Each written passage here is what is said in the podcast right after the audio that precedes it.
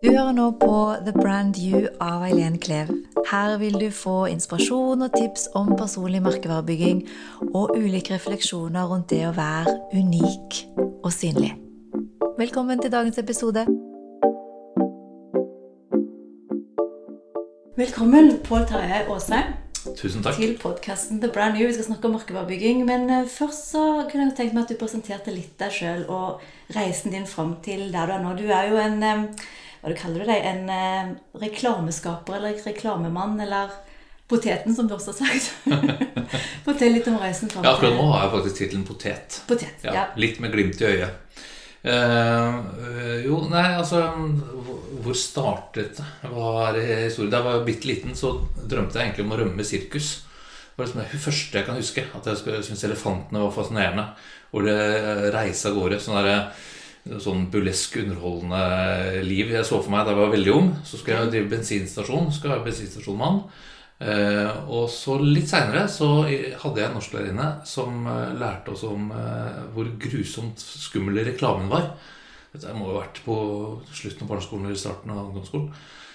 Og da, Det syns jeg hørtes så utrolig fascinerende ut. At, jeg, eh, at man kunne få folk til å gjøre noe annet enn det de hadde tenkt å gjøre. Altså Rett og slett manipulasjon hørtes veldig gøy ut.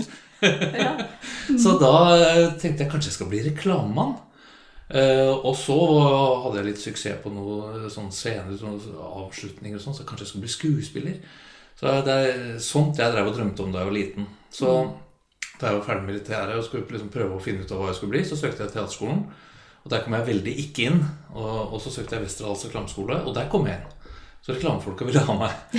Og da eh, ble jeg tekstforfatter. Og eh, samtidig som jeg holdt på med revyer og ble gøyere og tull og tøy, så ble oppdaget i NRK.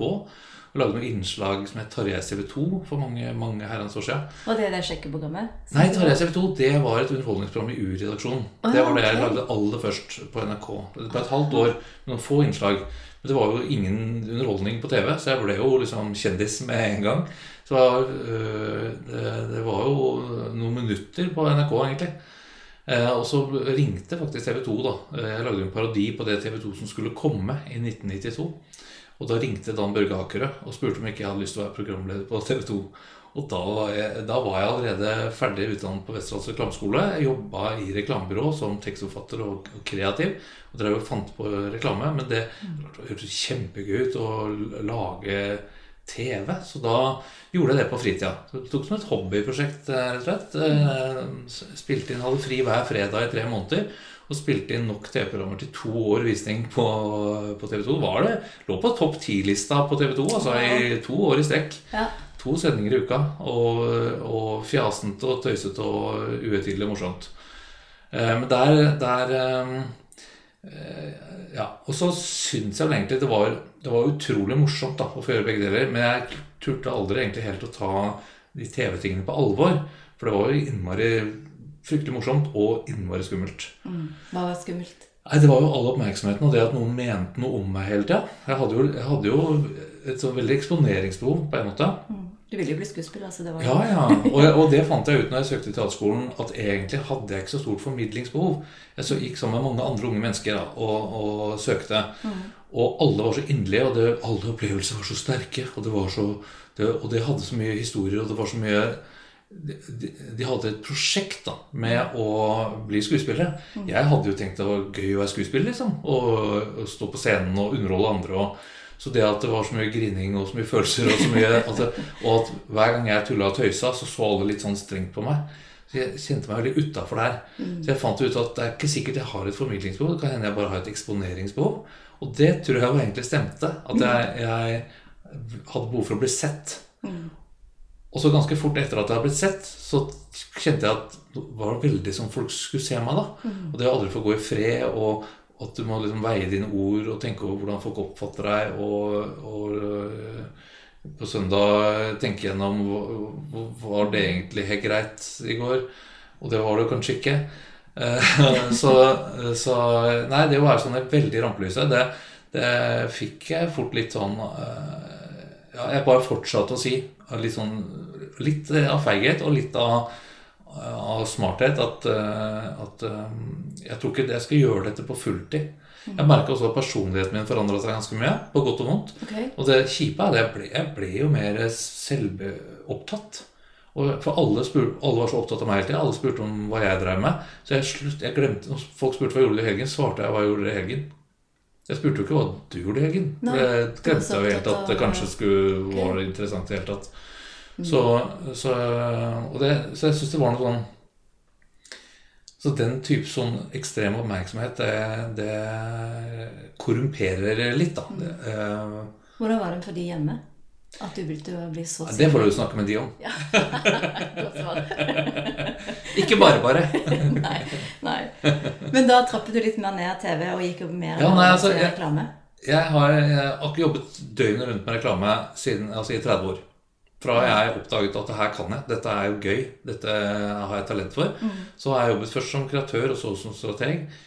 Nesten døgnet rundt. Altså jeg, jeg jobber når jeg sover òg, så jeg er jo helt sånn uh, intenst uh, opptatt av de greiene jeg driver med.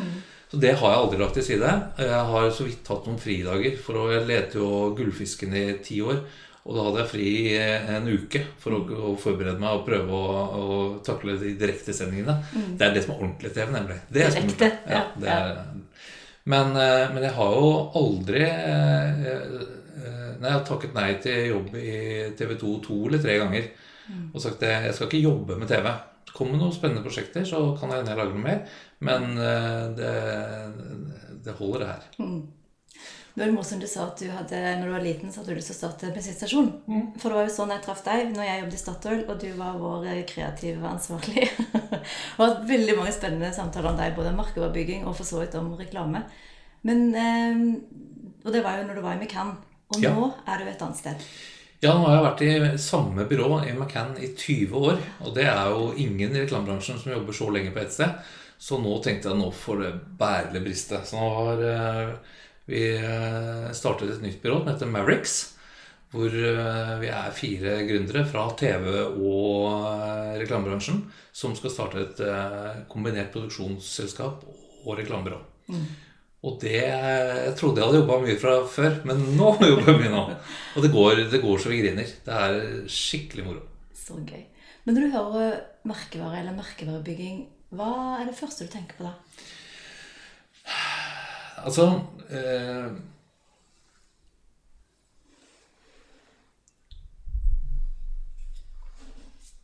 Jeg klarer ikke ikke høre det neste spørsmålet, som er personlig merkevarebygging. Nå sleit jeg med å svare på det, det du Da tar vi personlig merkevarebygging, da. Det er helt ok. Vi hopper på den. Ja. Det går fint. Ja. Altså det, det å bygge merkevare er jo noe som er mer verdt enn den egentlig er. Det er noe som du tillegger Du har noen assosiasjoner med det, du, du tillegger noen egenskaper.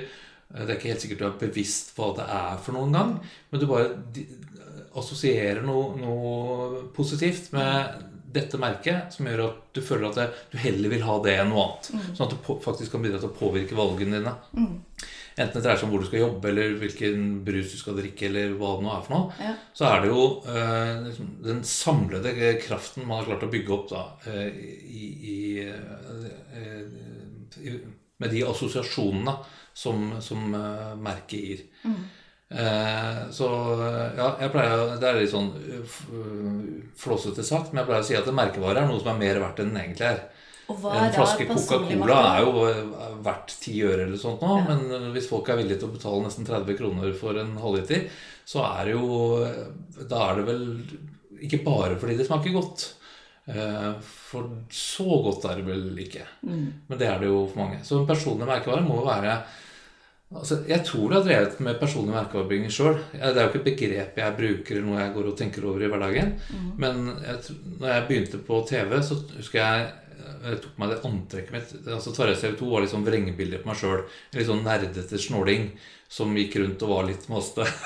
og og, og intervjua folk. Og da hadde jeg på meg et sånn pussig antrekk, og så fant jeg noen innmari rare litt sånn firkanta briller som gjorde meg enda mer sånn nerdete og snål på kostymelageret på NRK. De putta jeg på meg. Og det ble, altså i løpet av de sendingene og det halvåret den var den karakteren, som liksom mellomnavnet mitt, Tarjei, var på TV, Ja. så ble det en del av personligheten min. Og da gikk jeg jaggu på Krog Optikk og kjøpte meg et par sånne firkanta briller. Og så som ikke var like eh, stramme og strenge. Som var litt, kanskje litt kulere. Og så ble det en del av identiteten min. Og jeg, fikk- jeg oppdaget også at bare det å putte på seg de litt spesielle firkanta brillene gjorde, bidro til at folk kjente meg igjen uhyggelig mye mer. For da jeg ikke alt med de, eller hadde på meg runde eller liksom så annerledes ut, så var jeg jo litt mer anonym. Så at det at jeg fikk et kjennetegn som var lett å kjenne igjen, som var relevant i forhold til den personligheten jeg faktisk har, eh, som er litt sånn eh, kreativ og, eh, og mm, ja, nerdete, på sett og vis, det, det var noe jeg vil ikke si det var ubevisst, men halvbevisst øh, stykke arbeid. Ja. Og så har jeg opp igjennom, jeg har jo forandret personligheten min avhengig av hvilken rolle jeg har hatt. Jeg har jo da vært kreatør i mange år. Og da, som kreativ i reklamebransjen, så, så mm, kan man jo egentlig kle seg nesten som man vil. Jo gærnere, jo bedre. For det, og også, nå kommer de spennende, eh, morsomme historiefortellerne. I, i, til en viss grad, selvfølgelig. Eh, og som, som rådgiver så må jeg jo i mange, oftere ta på meg en pen skjorte og kanskje en blazer og være litt øh, penere i tøyet. øh, For å måtte kunne fylle den rollen, da, de forventningene som folk har. Men jeg, siden jeg har begge deler i meg, da Jeg, jeg har tenkt meg selv som en borgerlig bohem. En, en øh, radikal konservativ. og, og er både ganske kreativ og liker å ha orden i sysakene. Altså sorterer sokkene etter farge og har komplett kaos eh, oppi huet. Eh, eh, så, så tror jeg jo eh, at ja, Jeg har i hvert fall reflektert en del rundt hvilket bilde jeg har av meg sjøl, og hvilket bilde jeg vil at andre skal ha av meg. Og gjør en del ting for at det skal synes, og at det skal være relativt konsekvent, sånn at folk veit hvem de møter. Mm. Men du sa at du skifter litt personlighet. Eh, Men når du forklarer det, så virker det mer som du skifter litt fasaden og justerte den, men at det kanskje var en, sammen, Ja. en, en felles ting Ja. som går igjen? Jeg er helt enig. Det var litt upresist uh, Nei, formulering. både- Ja. Nei, og personligheten har eh, Men jeg skift, man skifter jo litt personlighet òg. For du, jeg tenker, de fleste nå er jo litt situider. Hvis du, ikke, hvis du ikke kan tilpasse personligheten din til den situasjonen du er i, så er det jo Jeg vet ikke, det har en diagnose.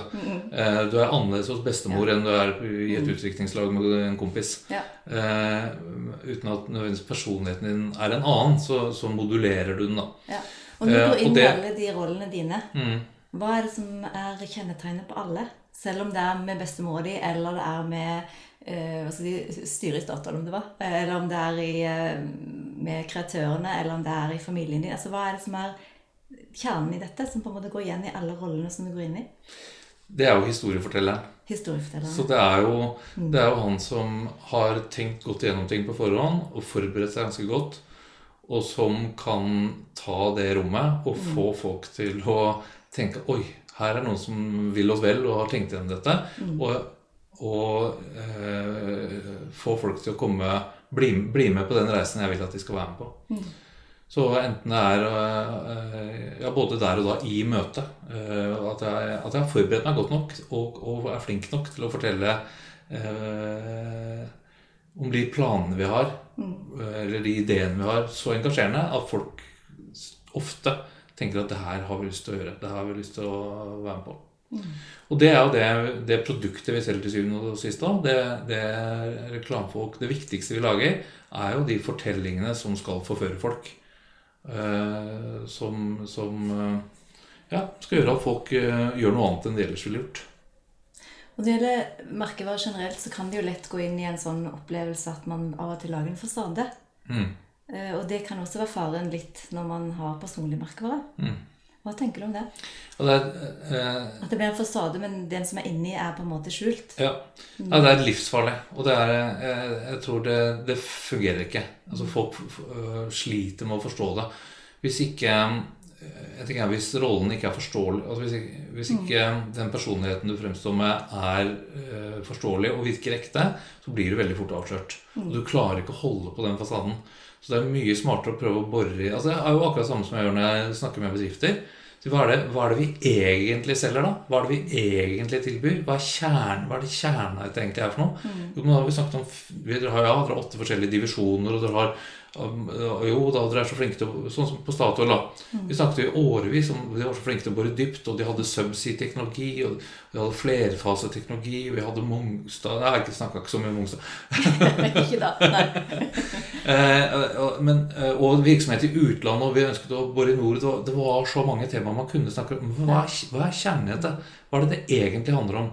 Og det var jo sånn vi til slutt kom fram til konseptet Statoil støtter morgendagens helter. For vi lagde jo mange kampanjer som var 'Oljeeventyret fortsetter i utlandet', og Statoil hadde jo veldig lyst til å snakke om alle de tingene de var gode på.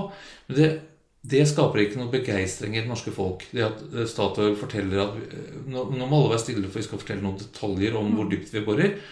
Ja, jeg er litt opptatt akkurat nå, så det kan du snakke om. Vi, vi går og gjør noe annet. Eh, Det er ikke så mange som lar seg engasjere av det. Og tvert imot så kan det være at folk kom, Å ja, det er boring. Ja, det, er søl, å, det blir jo litt søl av dette her av og til. Og, folk har egentlig ikke lyst til å tenke så mye på det. Men at eh, Statoil, eh, for å fullføre det eksempelet, det, at de har sikret velstanden vår, og at virksomheten til Statoil kommer til å fortsette å skape velstand her i landet, det er jo noe Det er jo, også, det er jo kjernen i det Statoil betyr for folk flest. Det er vanskelig å snakke om direkte, men hvis du kan lage en god metafor på det Og det er jo det Statoil dette morgendagens helter egentlig er. At, eh, Trekk pusten, folkens. Eh, vi- Vi har sikra velstanden her i landet, og det, det kommer til å gå bra. Vi, for, vi fortsetter, vi, vet du. Trenger ikke å prate så mye om det. Bare, bare la oss få lov til å holde på. Vi er ansvarlige, og vi, og vi skaper verdier. Og, det, og, da er det, og da er den historien, den fortellingen, det er kjernen til, til Og det, er- det er det samme folk må tenke på. Hva er kjernen i det du egentlig driver med? Hva er det viktigste? Jo da, du er i møter, og så gjør du sånn, og så er det kanskje litt strategisk. Litt, men hva, hva er summen av det? Og hvilken rolle gir det deg? Og så må du ha en personlighet som kler den rollen. Som gjør at du, du får større troverdighet, eller folk har, har lyst til altså Det er jo samme en med må gjøre. Hvis du er eh, hvis eh, Red Bull bestemmer seg for at de gir deg ekstra energi, at det er en energidrikk som skal gjøre deg litt sånn puff, gi deg puff, puff, ja, så må du vel ha en personlighet som er litt full av energi, da. Og kanskje fortelle historier som handler om ADHD. Og det har du gjort til fulle. Det er jeg ganske konsekvent på. At eh, ja, det er, det er lett å se for seg hvem, eh, hvem Red Bull er. Men hvis du skulle trekke fram noen sterke personligheter, bortsett fra deg, som i, i Norge f.eks., hvem vil du trekke fram som sånn De er en sterk personlighet. Det betyr jo ikke at vi ikke liker de, eller, eller eventuelt at du ikke liker de, men de er sterke. Tydelige. Hvem oh, vil du trekke fram? Shit, det var et vanskelig spørsmål. Og det er Altså, det, på det. det er veldig øh, kjapt altså, øh, en, en person som imponerer meg, er jo Kjell Inge Røkke. Eh, For det er altså Jeg tror Jeg har ikke stirra så veldig hardt på det. Men jeg, det, det lille Hver gang jeg går litt grann dypere i materien, så er det jo et eller annet rusk der. Det er, dette er jo det er litt, en litt røff historie. Litt hard i klypa. I det hele tatt eh, vanskelig som god nordmann å slippe unna å bli så steinrik uten at alle går og skuler på deg. Men historien om fiskeren som går barføtt i skoa sine og får tak i en båt, og så tråler han litt i utlandet, og så, blir, og så bygger han seg opp som en Esten Askeladd i utlandet og kommer hjem igjen og har fått prinsesse av halve kongeriket. Og så er det bare rein beundring. Og slipper unna og er liksom Arbeiderpartiets beste venn. Og kan få lov til alt. Og, ing- det er jo forbausende lite kritikk. Det er utrolig sterk Askeladden-fortelling. Og det er jo og det, øh, ja, Petter Stordalen er en annen sånn bedriftsleder. Det blir jo kanskje de man kom på først, da. Siden vi, eh, som som eh, har drevet med historiefortelling, og du må selge de bæra du har. Og han bruker ADHD-en sin som så jeg, jeg mener ikke å si at eh, Petter har eh, ADHD. Men, eh, men han har jo en voldsom drive og kraft og energi. Så det, liksom, det bikker jo over, liksom. Nei, men da, da utnytter han det, da. Og, og bruker, forsterker det og bruker det som en del av, av, den merkevaren han, som han bygger opp. Men, Så jeg kom på et eksempel til som er Ja. mye mer kontroversielt. Det er nesten morsommere. For en av de som er aller flinkest på dette, er jo Sylvi Listhaug. Altså Sylvi Listhaug er jo eh, eh, de aller fleste eh, liberale, tenkende eh, mennesker, i hvert fall fra de områdene hvor vi bor og beveger oss, er jo, er jo bare, er jo bare, bare en forakt for Sylvi Listhaug. Og hun skaper altså så ekstremt hat. Hver gang hun kommer med et utspill eller sier noe, så får hun så mye hat mot seg at det virker jo helt mot sin hensikt. alle vanlige folk. Jeg kjenner ganske mye vanlige folk. Og beveger meg ikke bare i de sirklene der jeg bor og jobber. Alle, er, er, folk, ja, de, det er mange som syns at hun er ufordragelig og sier ufordragelige ting. Og det, og, og det gjør det Jeg tror hun, hun drar på akkurat litt for mye hver gang for å få den motreaksjonen, som er enda mye, mye verre. Så mye mer usmakelig. eh, Så karakterdrap, av hun er ond for hun har et ondt smil, og hun er, har det kristne korset, betyr at hun vil korsfeste altså det, det kommer sånne motreaksjoner som er så hinsides enhver fornuft at hun står egentlig igjen i manges øyne som den fornuftige og balanserte og, og smarte. Og så er det er jo dogwhistling til 1000, selvfølgelig, for å, for å hisse opp eh, folk som har, har holdninger vi ikke, ikke folk flest liker. Men jeg tror veldig mange vanlige mennesker også er ikke enig i at hun har ondskapen selv. Og jo mer hun blir fremstilt som det, jo mer vinner hun. Men hva er kjennetegn, eller hva er det de har til sammen eh, felles? Siden de alle er sterk merkevare. Hva er det som, som du kan trekke fram som det har de, det har de, det har de? Alle sammen driver jo, forteller jo ganske tydelige historier, da. Det, er, det er lett, i hvert fall når man driver med storytelling, så er det lett å si 'jeg tror det her er historien'. Jeg tror til og med, Hvis jeg hadde brukt litt tid på det, så kunne jeg til og med Det er nesten som man skulle mistenke at de hadde lest noe Jung, eller at de vet noe om arketyper, eller, eller i hvert fall så har de gjort dette intuitivt uh, ganske smart, da. Mm. Uh, uh, og så er de relativt konsistente. Det er ikke sånn at du jeg tror at du er sammensatt og at du har, at du har en rik personlighet. Det er, det er bra. Du må ikke bli en pappfigur som er helt maken hele tiden heller. Men du må ikke forvirre folk. Hvis du plutselig var Nå var du veldig øm og snill og god, og nå var du veldig brutal. og øh, nå var du flåsete, og nå var du alvorlig. Du, du, må, du må være gjenkjennelig fra gang til gang. Selv om du er, opptrer i forskjellige situasjoner. Du man klarer å kjenne deg igjen. Og det er kanskje den der røde tråden, at de må ha noe som er en sterk rød tråd tydelighet. Ja. Mm. Eh, hva med dette ordet perfekt? For det er lett å gå og tenke at da, nå har jeg lagd en figur og en historie, og sånn må det være, og så skal man passe på at den skal bli mer og mer, og mer perfekt. Um, og faren med det er, kan være at man da mister mer og mer av den autentiske delen, og at man blir bundet, og det blir liksom fengsel å være i merkevaren din, istedenfor at det blir utviklingsmuligheter i den. Hva tenker du om det? Ja, jeg når du sa ordet perfekt, så var det nesten så hårene reiste seg på armene mine. Altså, det er et ord jeg, jeg har nesten aversjon mot. Ja. For det tror jeg ikke er noe å strebe etter. Det er, det er nesten ingen mennesker, i hvert fall ingen nordmenn, som liker perfekte mennesker.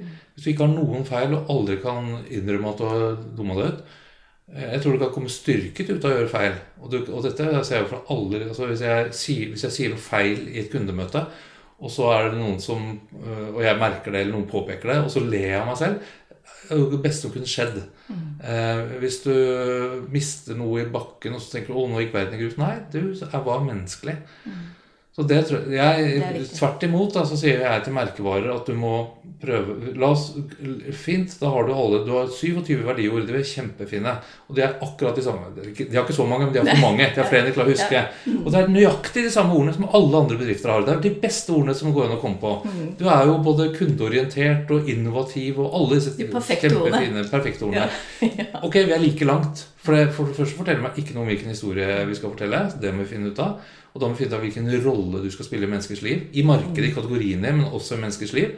Du må differensiere deg, du må skille deg ut. Og det gjelder jo personlig merkeoppbygging òg. Du må tørre å skille deg ut på en eller annen måte, sånn at, du, at det er verdt å legge merke til. Du må være bemerkelsesverdig. Så, så, og brands må skille seg ut, men først og fremst så må du ha en øh, Ikke bare å skryte av verdiene dine, for da blir du bare en litt sånn ufyselig perfekt øh, klisjé. Du, du, må om, du må oversette de verdiene til personlighetstrekk. Så det jobber jeg med merkevarer om. Prøve å oversette verdiene deres til personlighet. Og si er vi, er vi, Kan vi ha selvironi? Kan vi, være, kan vi ha glimt i øyet? Kan vi være eh, Kan vi være sjarmerende? Er det et bedre ord enn at vi er kundeorientert? Hva, hva, hva mer konkret mener jeg? Hvis vi var et menneske, hvordan ville vi oppført oss? Og eh, ikke prøve å være Og det syns du jeg klart. Endelig er det, det er så mye selvgodt, det er så mye skryt, det er så mye ljug. Det er, det er ikke det som er merkevarebygging. Det er reklame fra den aller eh, nederste hylla. Det. det er skryt og selvgodhet og ting som egentlig ikke fungerer så fryktelig bra. Eh, Så ekte merkevarebygging handler jo definitivt om å finne noe autentisk og fortelle en god historie. Som gir, som gir deg personlighet. Og ingen personligheter Det er ingen du kjenner, ingen du er glad i, som er perfekte. De har en eller annen liten feil og skank, og har du ikke, så, så lag deg den. Det er kanskje den som ikke er perfekt, som er din unikhet. Det som gjør at du på en måte skiller litt ut Ja. og er kanskje litt rarere Godt enn de sagt. andre. Eller så er det kanskje der. Mm. Ja, jeg har i hvert fall all, Jeg har jo uh, nesten hatt et bevisst forhold til å tørre uh, uh, Ja, altså det å tørre å bruke selvironi, det å tørre å le av sine svake sider, det å ikke Det er jo en feighet i det òg, selvfølgelig, for du skynder deg å si noe om deg selv før noen andre rekker å si det. Du har kontroll på det, da. Ja, Du tar på en måte litt kontrollen. jeg tar regien, jeg. Ja. Tar, uh... Ja, regien er bedre. Ja. Mm. kontroll er det sjelden jeg føler at jeg har. Med regi, ja. Eh, Du nevnte litt innledningsvis dette med å være synlig. Og veldig mange som begynner å, på reisen med å bygge sin egen personlige merkevare, de eh, må gjennom disse det med å være synlig og mer synlig, og kanskje synlig på ting som, som er veldig nært seg selv. da. Og kanskje, altså, Vi snakker om å bygge merkevarer, og det kan jo også være i forhold til de tingene man, man ser på som kanskje ikke er Tingene man ønsker at ingen skal se, men som kanskje gjør deg unik. Og det å begynne å vise akkurat de sidene fram Synlighet kan være litt sånn sårbart. Hva tenker du om det? Ja, nei, det her kan jeg jo egentlig bare Det har gått bra med meg. Ja. Jeg har, jeg har eh, eh, aldri forsøkt å fremstå som perfekt. Aldri liksom, eh, ljugd på meg at jeg kan noe jeg ikke kan. Eh, og det, det, er, det føles farlig, men, men jeg har coacha en del yngre kollegaer. kollegaer. Og, og prøvd å få folk som jeg mener bør stå på en scene og holde et foredrag, f.eks. eksempel Jeg har hjulpet de til å gjøre det. Eh, og særlig kvinner. som har en, en, Jeg kjenner så mange flinke damer som er så utrolig eh, forsiktige. Mm, Hva er grunnen til det? Eh, feige er jo egentlig ordet, da. men, eh, men det er veldig forsiktig. Ja. Nei, altså, eh, det kan nok tenkes at, flere, at de er smarte, at de innser sin egen begrensning. Det tror jo ofte kvinner sier nei til ting eh, fordi de tenker at det er, vil ta for mye tid, eller det er ikke viktig nok for meg, eller at de rett og slett prioriterer det bort. Mm. Så det, det er jo ikke gærent, det. Men når de har lyst, eh, og, og egentlig vil ha nytte av det, og likevel sier nei, så er det jo eh, Det er trist. Eh, altså, på den annen side, det, dette er jo ikke sånn at dette gjelder alle kvinner. Det gjelder litt flere kvinner enn menn. da. Eh, menn er litt tenker at jeg er litt mer, flere menn er litt tjukke i huet. At de bare sier ja til alt og bare fortsetter å bli forfremma inntil de er på et sted hvor de overhodet ikke mestrer noen ting. Eh, det er mer, mer sånn klisjeen på, på en del menn. Men eh, nei, jeg tror eh, Men hva er det som både kvinner og menn eh, er, er, det er jo Er det ikke omtrent halvparten av befolkningen da, som er mer redd for å tale i en forsamling enn for å dø? Sånn at det å, det å plutselig alle Det blir stille i rommet, alle øynene snur seg, alle ser på deg. Og da, er liksom, da kommer svetteringene, og det er det verste som kunne skje. Ja, den terskelen må du jo rett og slett over. Hva gjør du? Eller har du aldri hatt Jeg den? har aldri hatt den. Aldri. hatt Nei. eh, nei. Altså jeg, jeg, altså jeg kan jo bli skitnervøs. Jeg, jo- jeg, er jo sånn at jeg ikke får sove om natten. og når jeg har hatt Enten for en ordentlig stor og viktig presentasjon, eller foran uh, disse direktesendingene på TV. Liv, altså ordentlig skummelt. Jeg blir kjempenervøs. Men jeg visualiserer det, jeg forbereder meg, jeg skriver manus, jeg terper, jeg går og grubler på det. Og så når jeg er i den situasjonen jeg har grua meg til, så er jeg så godt forberedt at det går bra. Og så har jeg eh, Ja, jeg eh, trekker pusten dypt. Jeg har noe indre Jeg får på meg litt sånn fandenivoldsk flir før jeg, før jeg går på scenen. Og så eh, har jeg lært noen enkle teknikker da, som jeg lærer videre. Ja. Som Kan er du gi noen eksempler? ja, det, det er helt sånne enkle ting. For, for det første det å forberede seg godt, øh, øve. øh, ikke, ikke være opptatt av å være perfekt. Om du sier noe som er feil, eller fomler med Hvis du mister den klikkeren i bakken, så går verden i stykker for deg. Men hvis du ler av at du gjør det, så ler alle for alle sympati med deg, og så er du godt i gang. Så bør du egentlig bare kaste den på bakken og la som du mista den. Så gjør et feil, da. Ehm, eh, men det aller viktigste, tror jeg, det er eh, Og det er en liten sånn øvelsessak. Når du skal presentere noe i et møterom, eller når du skal legge fram noe for sjefen, eller du skal, skal holde eh, en tale, eller hva det nå er Du begynner for tidlig. Du må, du må stille deg opp der du skal stille deg. Og så må du øh, føle Nå føles det som det har gått enormt lang tid. Det har gått nesten et sekund. Jeg må få komme i gang. Nå har det gått to sekunder. Gud, så grusomt stille og pinlig. Så begynner folk å prate mens de fikler med ko- kobler til maskinen sin og holder på, ikke har skjenka vann enda og har ikke sett opp i salen. Det er sånn, sånn nervøs kakling. Du må ta rommet. Eneste måten du kan gjøre det på, er å stille deg godt opp. Særlig kvinner må stå med beina litt bredere enn de pleier. sånn Du må ha god balanse i kroppen din. Så trekker du pusten dypt. Og så ser du utover forsamlingen, møter et par blikk. Titter ned på papirene dine, titter opp igjen. Og nikker du til deg selv. Og så begynner du å prate.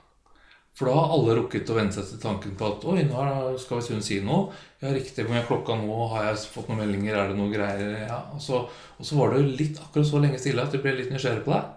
Og så følger du med, og da kan du begynne å prate. Mm. Så den derre det å- Du begynner å prate før folk er klare til å høre på deg. Og så, og så bruker du de første setningene og sier Ja, nei, altså, jeg var jo Ja, da var det meg, og det mm. Ja da, nei, men eh, du har bare noen sekunder på deg til å gi, gi altså, I løpet av kanskje under et sekund så har folk dansa et bilde av Blir de neste 45 minuttene jævlig bra, eller blir det ulidelig kjedelig? Eller for de neste fem minuttene, for den saks skyld. Du, du, du må jo stole nok på sjøl til at det jeg kommer med nå, er verdt å høre på. Til at du klarer Og, og så må du klare å utstråle den eh, eh, energien. Eh, for du trenger ikke å tenke på det som selvtillit. Du kan være kjempenervøs. Jeg har sett skikkelig flinke foredragsholdere. En av de jentene som jeg eh, coacha litt for å, å få dytta opp på scenen, hun var sånn, hun skalv. Og det rista, hadde ordentlig vondt av henne. Alle fikk sympati med henne. Og så var alt hun kom med, dritbra. Og så fikk hun masse respons fra salen. Og når hun var ferdig, så var hun et, ja, et annet menneske. Veldig kult. Men Hva tenker du om sosiale medier? og Nå er jo veldig mange til stede der og er synlige på sånne type arenaer også. Og video Mm. og Har du noen tips der? For det er jo ikke live. Ofte noen ganger kan det være live, men ikke alltid. Eh, Kanskje de samme tingene. ja, altså eh,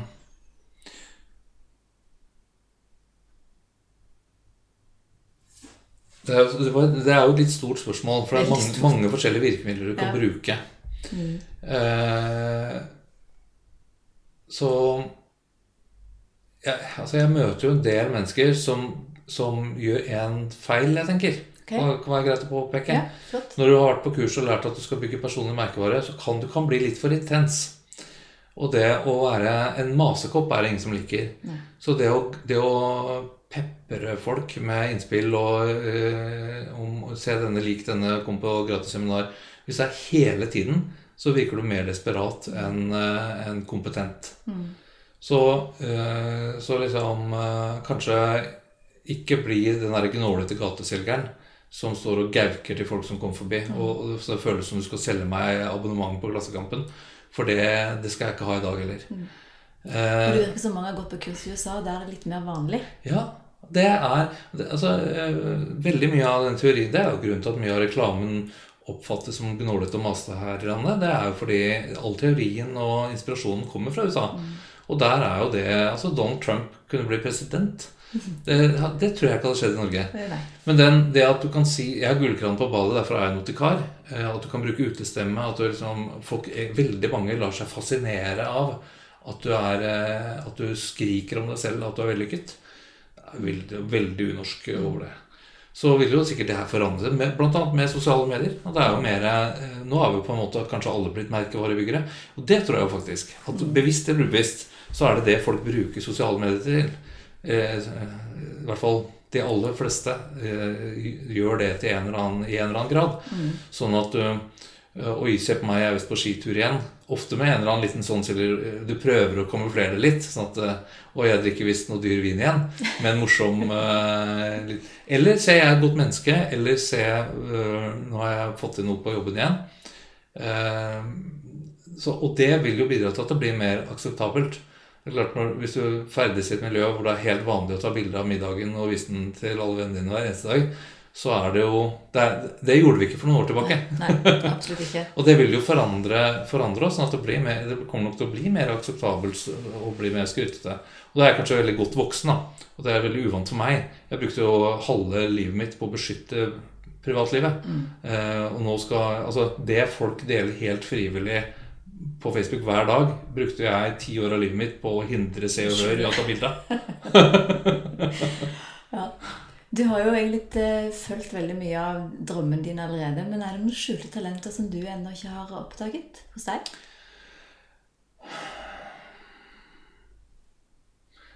Altså, Hvis jeg ikke har oppdaget dem, så er det vanskelig å svare på det.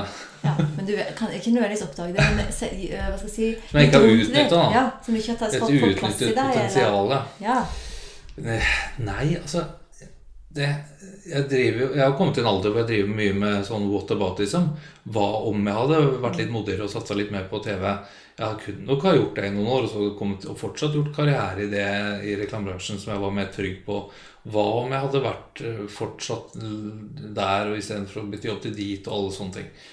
Så øh, sånt kan man jo drive og gruble på. Men det, altså det jeg- prøver jo egentlig ikke å bruke så mye tid på det, for det er litt sånn energityv. Hvis jeg skulle brukt mer Altså, skrive er vel det jeg gjerne skulle hatt mer eh, ja, mm. tid og energi til. Så enten eh, det er liksom alle, alle som har vært tekstforfattere i reklamebransjen noen gang, drømmer jo egentlig om å være forfattere. Så eh, jeg er jo glad i språk. Jeg kjenner jo altså, manusforfattere til, til TV som jeg beundrer eh, dypt. Det kunne jeg jo tenkt meg å prøvd meg som. Men eh, Nei, jeg tror, jeg tror det ville vært noe sånt noe. Ja. Eh, Men jeg har nok ikke, jeg har nok ikke selvtillit nok til å prøve meg. Enda. Enda. Hvis du skulle skrive en bok om livet ditt, hva skulle tittelen vært? Full fart og stormende jubel. alle alle mann til pumpene. Ja. Nei, ja, nei. Jeg tror vi går for den. Jeg, jeg kommer ikke på noe bedre i farten. Enda jeg, jeg pleier å ha ord i min makt. Men nå er det jo veldig mye fokus på sånn for personlig merkevare. Du har jo bygd din egen og vært tydelig på det, både bevisst og kanskje ubevisst. Hvis du skulle øh, gi ett eller noen få avsluttende tips, hva vil du trekke fram? Hvis du skal liksom gi ut ifra det vi har snakket om i dag, hva vil du at de skal ta med seg, eller eventuelt øh, hva vil du liksom være sikker på at dette bør de være klar over? I, da vi jobbet i McCann, så hadde vi et, et, slagord, et mantra, som er 'truth well told'. Og det er, eh, det er kanskje det jeg savner mest etter å ha eh, startet i Mavericks. Det er, det er det beste som er sagt om, om reklame noen gang, og kanskje om kommunikasjon. For det oppsummerer veldig mye. Det er egentlig retorikkfaget eh, oppsummert eh, på 13 tegn.